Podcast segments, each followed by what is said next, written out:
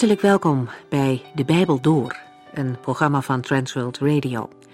De Bijbel Door is een radioserie die u in vijf jaar meeneemt door de hele Bijbel. Van Genesis 1 tot Openbaring 22.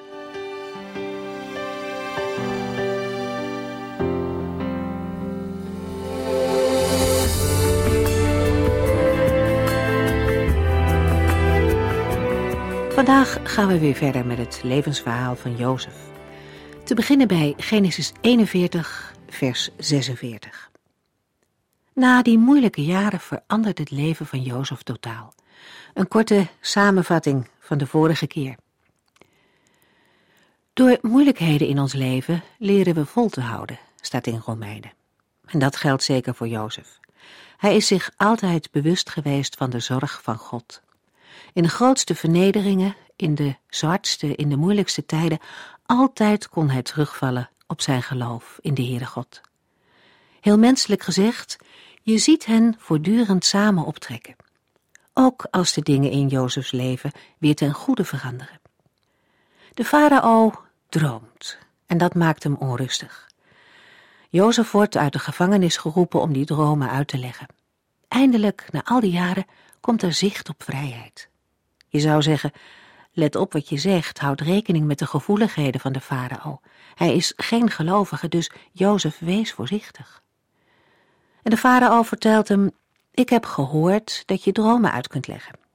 En het eerste wat Jozef dan tegen de farao zegt is, nee hoor, dat kan ik niet, maar God zal u de betekenis vertellen. Jozef begint zijn gesprek met deze hooggeplaatste politicus over God. Hij corrigeert de farao zonder blikken of blozen. Hij trekt de eer niet naar zichzelf toe. En het valt in de grondtekst ook op dat Jozef over de God spreekt, de enige, ware God. En dat zegt hij notabene tegen de farao, een man die zelf veel goden vereert. God laat farao door de dromen weten dat er een wereldwijde hongersnood zal komen, die ook Egypte zal treffen. En Jozef adviseert hem om maatregelen te nemen, om zich voor te bereiden op de ramp die zal komen. Farao ziet dat Gods geest in Jozef werkt en hij maakt hem leidinggevende. Jozef wordt de tweede man in het land Egypte. Hij is dan dertig jaar oud en later trouwt hij en krijgt twee zonen. Het gaat dus goed met Jozef. De weg naar deze plaats was lang. Het begon toen hij zeventien was, toen hij op pad ging om zijn vaders opdracht uit te voeren. Verkocht door zijn eigen broers, vals beschuldigd in het huis van zijn baas en uiteindelijk kwam Jozef terecht in de gevangenis. Overal ging de Heere met hem mee en hij zegende Jozef, zegen midden in het lijden. Elke plaats waar Jozef was, gebruikte God om hem klaar te maken voor zijn uiteindelijke opdracht, zijn uiteindelijke taak. Zo mogen christenen ook leven, in de wetenschap dat God alles wat je overkomt laat meewerken. Laat meewerken voor zijn doel, om zijn plan in je leven uit te voeren. In Romeinen 8, in het 28ste vers, daar staat het zo mooi. Eén ding weten wij. Voor wie hem liefhebben, laat God alles meewerken ten goede. Want hij heeft een plan voor hem.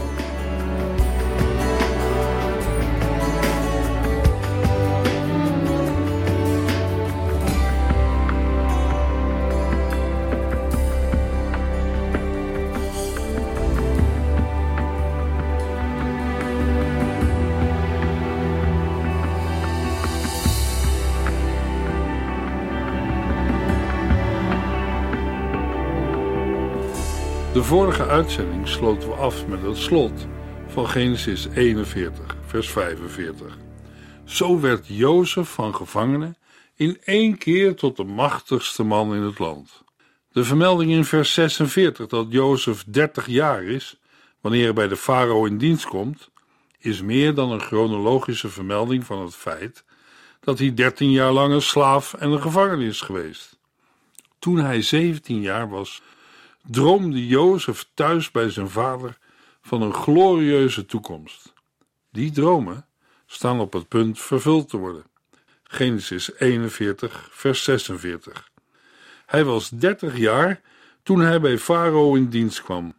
Jozef verliet hierna het paleis van Farao en begon een rondreis door het hele land. Van de dertien jaar dat Jozef al in Egypte was, heeft hij, na het voorval met de schenker en de bakker, twee jaar in de gevangenis doorgebracht. Waarschijnlijk zat hij, voor die tijd, al ongeveer een jaar in de gevangenis. Een klein rekensommetje laat dan zien dat Jozef bijna tien jaar in het huis van Potifar is geweest. Het geeft een idee van het verloop van Jozefs tijd in Egypte. Na deze dertien jaar in Egypte krijgt Jozef een positie die we kunnen vergelijken met die van de minister-president. Alleen Farao stond nog boven hem. Jozef kreeg de tweede positie in het land Egypte. Luisteraar, heeft u zich ooit afgevraagd waarom Farao zo bereidwillig was om Jozef op deze positie te plaatsen? Natuurlijk, in de eerste plaats is het antwoord omdat God met Jozef was. Dat hebben we herhaaldelijk gezien. De hand van de Heere God leidde Jozef door alles heen. Jozef zelf zegt dat zijn broers slechte bedoelingen hadden, maar dat de Heere God ze heeft omgebogen tot iets goeds. Het is prachtig om dat te weten. Er is nog een andere reden waarom de farao Jozef deze hoge positie heeft gegeven. Veel geleerden gaan ervan uit dat de toenmalige farao een van de Hyksos-koningen was. De Hyksos waren van oorsprong geen Egyptenaren, maar Bedouinen uit de Arabische woestijn. Het waren nomaden die een tijd lang in Egypte verbleven en de troon hadden overgenomen. Het is ook gebleken dat Hyksos koningen ook allerlei Egyptische gebruiken hadden overgenomen. Als dit waar is, en dat denk ik van wel, dan stond Farao qua nationaliteit dichter bij Jozef dan de doorsnee Egyptenaar. Dat gaf hem vertrouwen in Jozef. De Hyksos werden in het begin als gewelddadige veroveraars van Egypte beschouwd, die geen deel hadden aan de Egyptische beschaving. Daardoor hadden de Hyksos-koningen sowieso al moeite om mensen in Egypte te vinden die loyaal en trouw aan hen waren. Trouw was zeker een eigenschap van Jozef. Zijn vaste vertrouwen dat de Heer God zijn leven leidde, maakte hem trouw aan iedereen bij wie hij in dienst kwam. Hij was trouw aan zijn opdracht, omdat hij wist dat de Heer God bij hem was. Een verre overeenkomst met de voorgeschiedenis van deze Hyksos farao zou heel goed een van de redenen kunnen zijn. Dat Jozef hier zo vrij gemakkelijk wordt aangesteld als de tweede man in het koninkrijk. We zullen nog zien dat Jozef inderdaad loyaal aan farao blijkt te zijn. De Hyksos koningen zijn later uit Egypte verjaagd. Dat is ook de reden dat we in Exodus 1 vers 8 lezen toen kreeg Egypte een nieuwe koning, die Jozef niet gekend had. Hij voelde dan ook geen enkele verplichting tegenover de inwoners van Gozen. De naam Jozef zei hem niets. De farao, die de nakomelingen van Jacob en Jozef verdrukte, had zeker geen familiaire banden meer met hen. Ongeveer veertien jaar na de dood van Jozef zijn de Hyksos koningen uit Egypte verdreven. Farao hing een gouden keten om Jozefs hals, die hem hetzelfde gezag verleende als de farao zelf. Farao gaf Jozef ook de dochter van de priester van On tot bruid. De naam Asnat betekent zij die behoort bij de godheid Neid. Al eerder gaf ik aan dat het huwelijk met een vrouw uit een van de beste families in Egypte de promotie van Jozef bezegelde. De priesterfamilies van On werden qua rijkdom alleen overtroffen door die van de god Amun van Thebes. Het is duidelijk dat Asnat een heidense achtergrond heeft.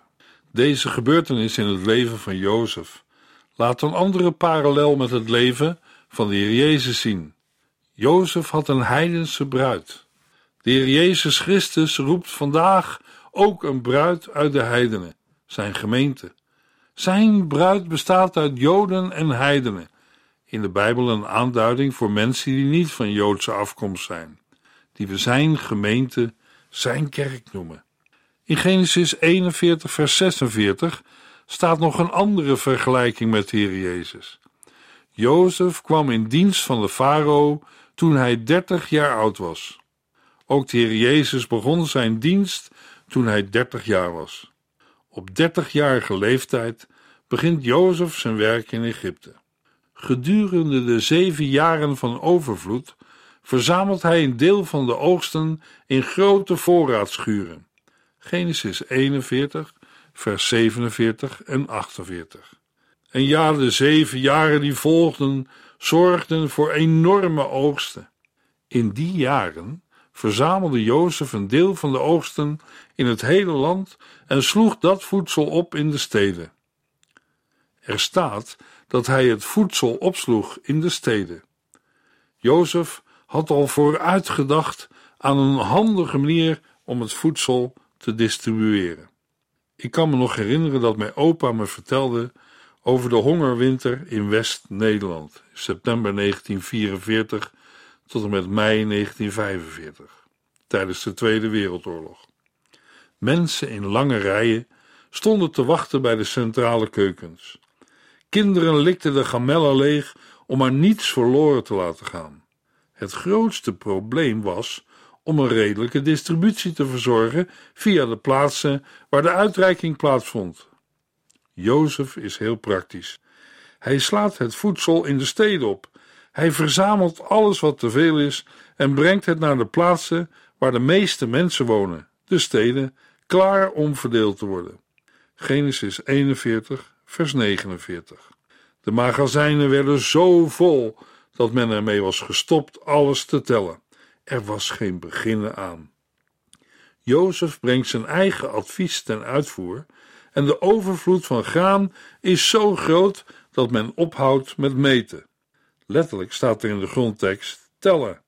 Maar dat betekent niet dat iedere graankorrel werd geteld. Omdat het over graan gaat, wordt bedoeld meten met daarvoor bestemde maten. Tijdens de jaren van overvloed, tussen zijn dertigste en 37ste levensjaar, krijgt Jozef twee kinderen bij Asnat, die hij Hebreeuwse namen geeft. Een korte onderbreking van de geschiedenis van Jozef voor een klein familieverslag. Genesis 41, vers 50 tot en met 52. Voordat het eerste jaar van de hongersnood aanbrak, had Jozef twee zonen gekregen bij zijn vrouw Asnat. Jozef noemde zijn oudste zoon Manasse, hij die doet vergeten, en zei: God heeft mij deze zoon gegeven om mij het verdriet uit mijn jeugd en het verlies van mijn thuis te doen vergeten. De tweede zoon noemde hij Ephraim, vruchtbaar, en hij zei: God heeft mij vruchtbaar gemaakt in dit land waar ik als slaaf kwam. De zonen van Jozef werden voor de hongersnood geboren. Hij noemt zijn oudste zoon Manasse, hij die doet vergeten, en zei: God heeft mij deze zoon gegeven om mij het verdriet uit mijn jeugd en het verlies van mijn thuis te doen vergeten. Jozef was zo druk bezig dat hij zijn ouderlijk huis was vergeten. In het begin was hij een mens met heimwee, maar dat was nu voorbij. In het begin van Genesis 41 zagen we dat Jozef, toen hij uit de gevangenis werd gehaald, andere kleren aantrok en zich schoor voordat hij voor Farao verscheen. Mogelijk hoort u bij de mensen die scheren niet zo belangrijk vinden. Daar is op zich niets mis mee, als alles er maar schoon en verzorgd uitziet. Maar voor iemand van Semitische afkomst is dat anders. Voor hen hoorde een baard erbij. Als teken van rouw werden haren en baarden afgeschoren. Bij Joodse mensen heeft een baard een diepere betekenis. Bij Jozef heeft het ook een symbolische betekenis. Toen Jozef zich schoor en andere kleren aantrok, sprak dat, als het ware, van een opstanding. Hij legde zijn oude leven af en begon een nieuw leven. Vanaf dat moment kleedt hij zich als een Egyptenaar, praat hij als een Egyptenaar en leeft als een Egyptenaar. En Jozef zegt: God heeft mij doen vergeten. En daarom noemt hij zijn zoon Manasse. Zijn tweede zoon noemt Jozef Ephraim, dat betekent vruchtbaar. Jozef gaf hen deze namen omdat God hem zijn vaders huis had laten vergeten en hem vruchtbaar had gemaakt in Egypte. Genesis 41, vers 53. Zo gingen de zeven voorspoedige jaren voorbij. Toen begonnen de zeven jaren van hongersnood, precies zoals Jozef had voorspeld. De zeven jaren met grote oogsten zijn voorbij en de hongersnood begint. Jozef is dan 37 jaar oud. Laten we dat niet vergeten als we verder lezen. Genesis 41, vers 54 en 55. Ook in de omringende landen mislukte de oogsten, maar de Egyptische opslagplaatsen zaten vol graan. Toen de Egyptenaren ook honger begonnen te lijden, smeekten zij de farao om eten en hij stuurde hen naar Jozef. Doe precies wat hij zegt, droeg hij hun op. Hier vinden we een nieuwe parallel met de Heer Jezus Christus. Hij zei: Ik ben het brood des levens. Jozef is hier de enige die het brood heeft. Genesis 41, vers 56 en 57.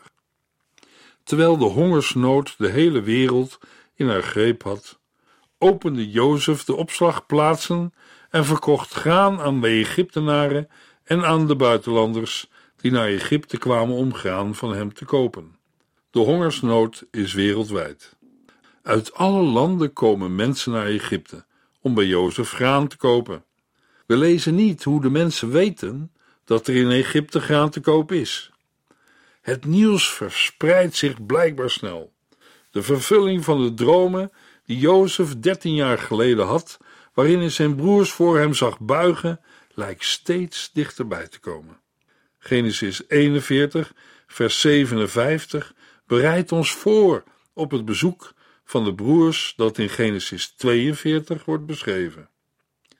De dramatische gebeurtenissen in Jozefs leven naderen hun ontknoping.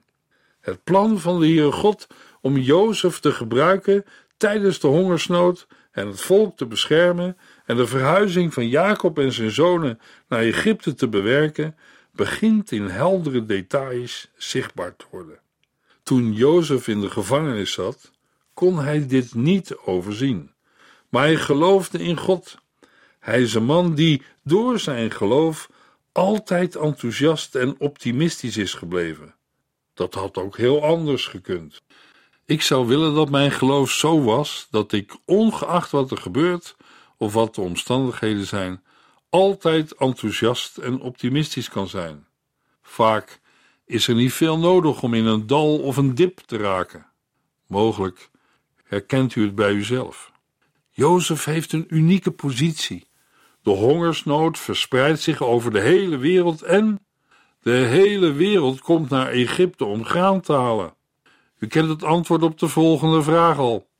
Raad eens wie er na verloop van tijd ook naar Egypte komt om eten. Jawel, de broers van Jozef. De honger dwingt Jacob ertoe om tien zonen naar Egypte te sturen. Ze moeten er voedsel gaan kopen. Waarom maar tien? Waarom zond Jacob Benjamin niet mee? Jacob wilde Benjamin niet verliezen. Het zou zijn dood zijn geworden wanneer ook Benjamin zou verliezen. Hij weet immers niet beter of Jozef is dood. Als de broers in Egypte zijn aangekomen, dan herkent Jozef zijn broers direct, maar zij herkennen hem niet. Waarom niet? Daar zijn verschillende redenen voor. In de eerste plaats dachten ze dat hij dood was. Ze verwachten Jozef niet in deze positie en keken helemaal niet naar hem uit. Niemand van hen had ooit gedacht dat ze hem terug zouden zien. Maar Jozef verwachtte dat wel. Hij geloofde de dromen die hij had ontvangen. Een ander punt is: we moeten niet vergeten dat er al heel wat jaren voorbij waren gegaan. Jozef was 17 toen ze hem verkochten. En nu is hij 37 of ouder, het aantal jaren dat de hongersnood nu al duurde. Stel dat de hongersnood al een jaar duurde, dan hadden ze Jozef al 21 jaar niet gezien.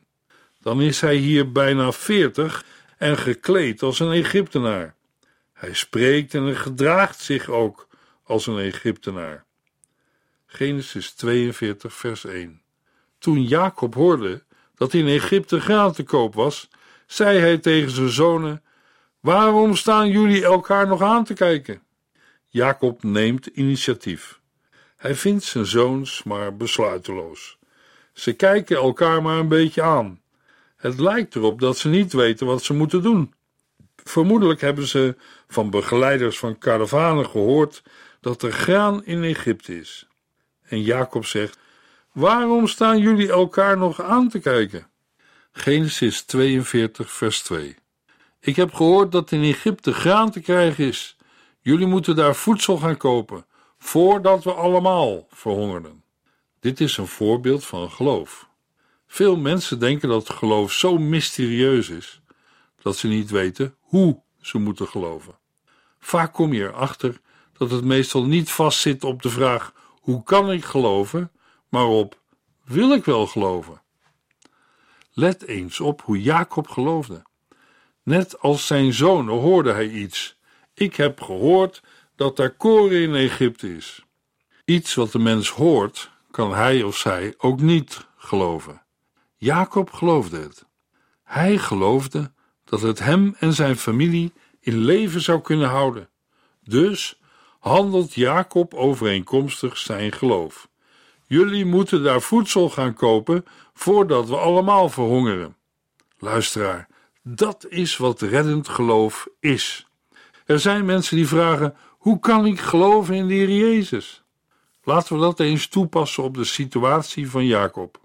Stel u voor dat Jacob tegen zijn zoon had gezegd: Ik heb gehoord dat er koren is in Egypte, maar hoe weet ik of dat ook waar is? Hoe kan ik dat geloven? Maar zo werkt het bij Jacob niet. En zo werkt het vandaag nog steeds niet. Als een mens werkelijk iets gelooft, dan gaat hij of zij er naar handelen. Anders geloof je het niet, of je wil het niet geloven. Geloven is handelen naar aanleiding van dat wat je hebt gehoord. De Bijbel zegt in Handelingen 16, vers 31: Gelooft in de Heer Jezus Christus, dan zult u gered worden. Luisteraar, gelooft u dat? De oude Jacob hoort iets en hij gelooft het. Hij komt in actie. Dat was de manier waarop hij aan koren kwam. Daardoor verhongerde zijn familie niet. De manier waarop u en ik eeuwig leven ontvangen, is door geloof in Christus. Genesis 42, vers 3 en 4. Zo trokken Jozefs tien oudere broers naar Egypte om graan te kopen. Jacob hield zijn jongste zoon Benjamin thuis, omdat hij bang was dat hem een ongeluk zou overkomen. Veronderstel dat deze tien zonen iets zou overkomen. Wat dan? Ze zijn in elk geval ouder dan Benjamin. Maar, als u de waarheid wilt weten, het zou Jacob niet zoveel pijn doen als wanneer hij zijn jongste zoon Benjamin zou verliezen. Immers, Benjamin en Jozef waren zonen van zijn liefste vrouw Rachel. Haar had hij intens lief gehad. Nu stuurt Jacob tien zonen erop uit en houdt alleen Benjamin bij zich. Blijkbaar woont Juda inmiddels ook weer bij zijn broers. Genesis 42, vers 5. Te midden van talloze andere buitenlanders kwamen Israëls zonen in Egypte aan, want overal heerste honger. Nu komen we bij een aangrijpend moment. Genesis 42, vers 6. Als leider van Egypte ging Jozef over de verkoop van graan en zo verschenen ook zijn broers voor hem. Ze bogen diep met hun gezichten vlak bij de grond. Jozef heeft naar zijn broers uitgezien. Hij wist dat ze moesten komen. Jozef herkende hen direct, maar deed net alsof ze vreemdelingen waren. Waar komt u vandaan? vroeg hij. Uit het land Canaan, antwoordde zij. Wij zijn gekomen om graan te kopen. Weet u waarom Jozef hen zo bits toespreekt? Natuurlijk met behulp van een tolk.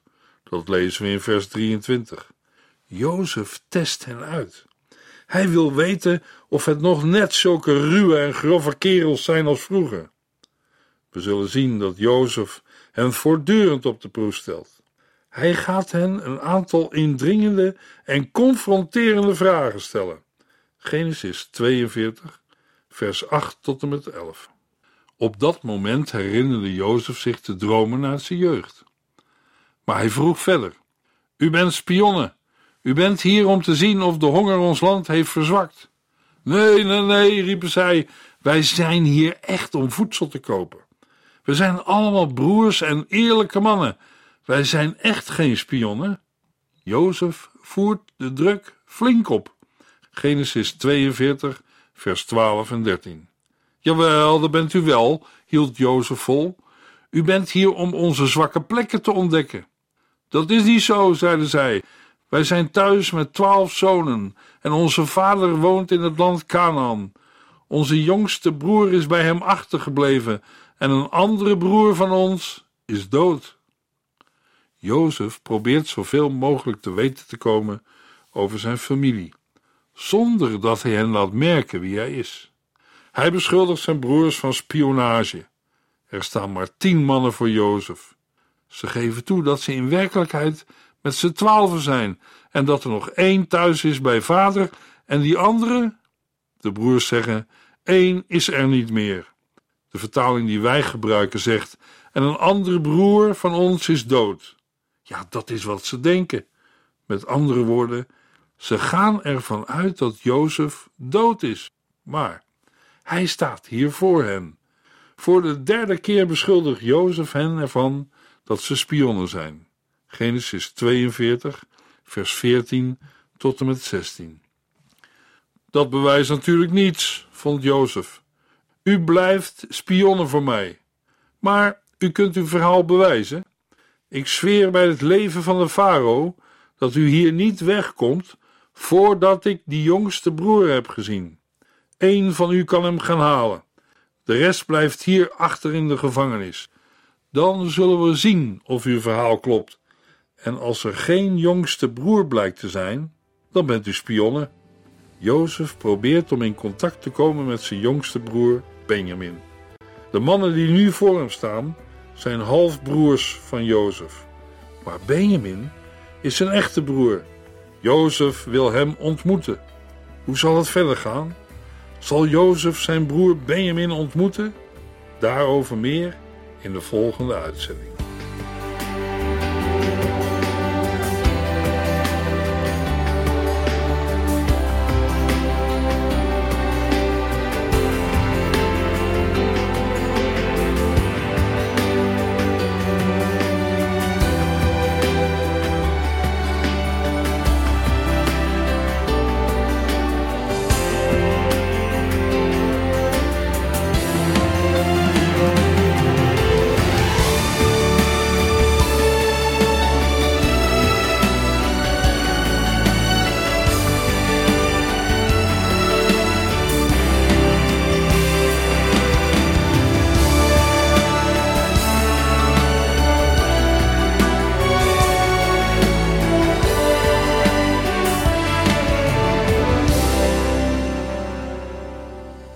Geluisterd naar De Bijbel Door. In het Nederlands vertaald en bewerkt door Transworld Radio. Een programma waarin we in vijf jaar tijd de hele Bijbel doorgaan. Als u wilt reageren op deze uitzending of u heeft vragen, dan kunt u contact met ons opnemen. Tijdens kantooruren kunt u bellen op 0342 47 8432. 0342 47 8432. 32. Ook kunt u een e-mail sturen naar de Bijbel door transworldradio.nl en natuurlijk kunt u ook via de post ons bereiken. TWR, postbus 371, postcode 3770, AJ in Barneveld. Dit programma werd gepresenteerd door Cor Weda en Ike André. Techniek was in handen van Odin van Woerdekom. En wij allemaal bedanken u voor het luisteren. Graag tot de volgende keer.